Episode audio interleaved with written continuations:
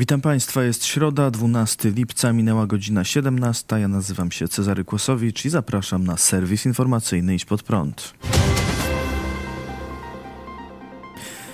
Ukraina będzie w NATO. Moskwa nie ma nic do powiedzenia w tej sprawie, oświadczył sekretarz generalny Sojuszu Północnoatlantyckiego Jens Stoltenberg w drugim dniu szczytu NATO w Wilnie. Ukraina jest teraz bliżej NATO niż kiedykolwiek. Potwierdziliśmy, że zostanie członkiem NATO i ułatwimy jej drogę do sojuszu. Dziś spotkamy się jako równi. Oczekuję dnia, kiedy spotkamy się jako sojusznicy. Putin nie docenił odwagi Ukraińców, determinacji jej polityków, ale też jedności i siły NATO. Oczywiście gwarancje, dokumenty, spotkania i narady są istotne, ale najważniejsze jest zapewnienie odpowiedniej ilości broni prezydentowi Zełenskiemu i jego wojskom, powiedział sekretarz generalny NATO. Podkreślił, że Rosja nie ma w tej sprawie nic do gadania. Ukraina ma prawo do wybrania własnej drogi. Moskwa nie będzie o niej decydować. De, de, Moskwa nie będzie o niej decydować, stwierdził Stoltenberg. NATO przyjęło pakiet trzech elementów zbliżających Ukrainę do członkostwa w sojuszu. Usunięto wymóg tworzenia planu działań na rzecz członkostwa, co znacząco skróci drogę do NATO. Ukraina wykonała już działania na rzecz członkostwa, dlatego ten etap drogi do NATO usuwamy i zostaje jednoetapowy proces akcesyjny, którego warunki Ukraina będzie musiała wypełnić, powiedział Stoltenberg. Wieloletni program wsparcia ma pomóc Ukrainie dojść do standardów natowskich. Ponadto powołano Radę NATO-Ukraina. Sekretarz generalny zapewnił, że zaproszenie do NATO zostanie wysłane, gdy Ukraina spełni odpowiednie warunki.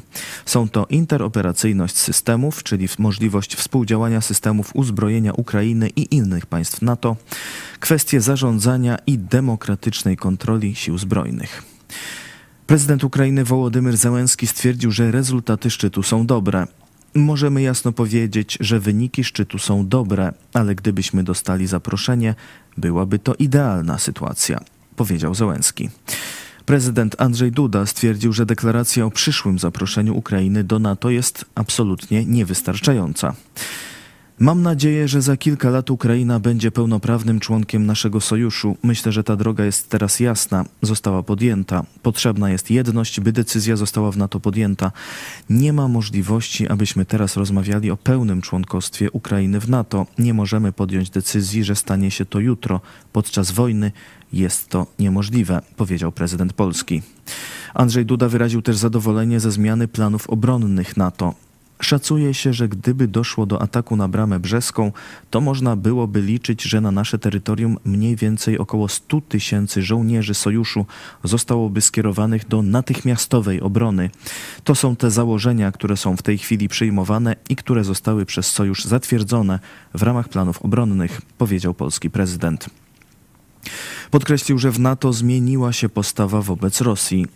Rosja przestaje być absolutnie w jakimkolwiek stopniu partnerem NATO. Przez wiele lat była nazywana partnerem NATO, przez wiele lat byli sojusznicy, którzy stanowczo optowali za tym, aby w dokumentach NATO umieszczać to nazwanie Rosji partnerem NATO. Dzisiaj nie ma żadnych wątpliwości. Rosja jest agresorem. Rosja jest dzisiaj największym zagrożeniem dla państw NATO. To jest wprost tak nazwane i wprost tak się mówi.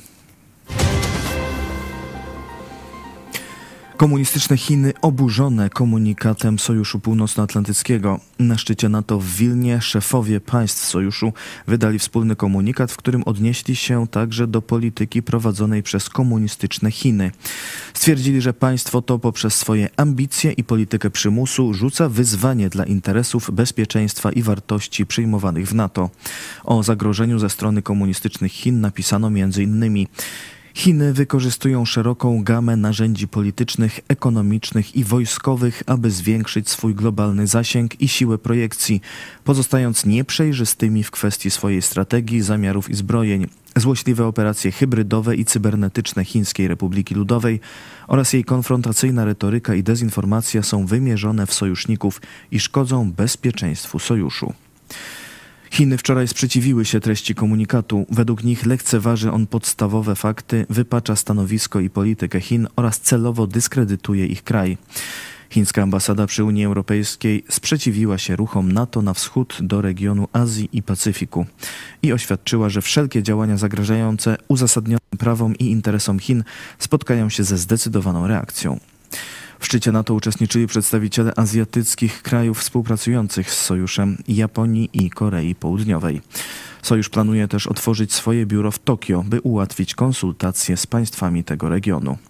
Na konferencji prasowej sekretarz generalny NATO Jens Stoltenberg mówił, że Chiny nie są wrogiem NATO, ale jak wskazał, Chiny w coraz większym stopniu rzucają wyzwanie międzynarodowemu porządkowi, odmawiając potępienia wojny Rosji z Ukrainą, grożąc Tajwanowi i znacznie rozbudowując swoją armię. Parlament Europejski wezwał OBWE, by zorganizowała misję obserwacyjną na wybory parlamentarne w Polsce.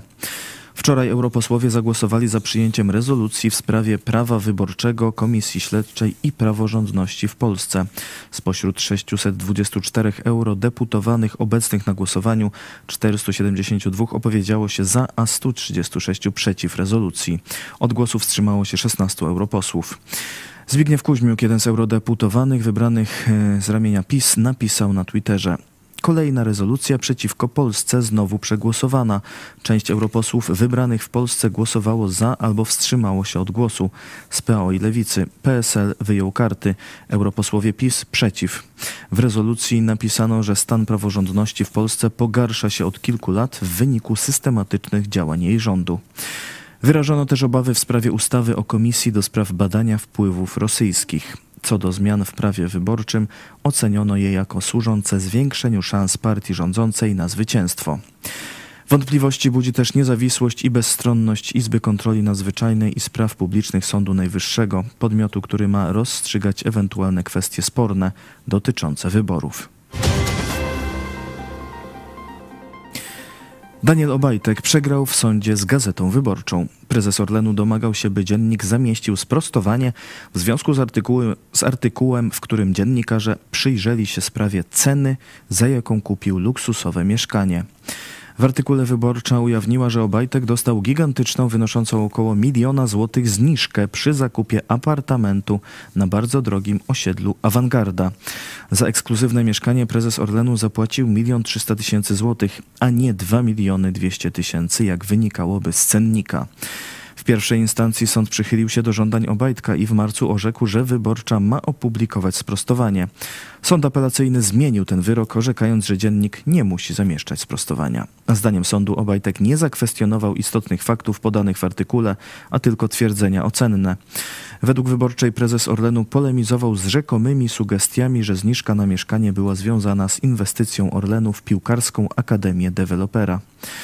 Wyrok sądu apelacyjnego skomentował Roman Imielski, zastępca redaktora naczelnego wyborczej. Czytelna od początku strategia Daniela Obajtka nastawiona wyłącznie na nękanie mediów i kneblowanie krytyki prasowej poniosła klęskę.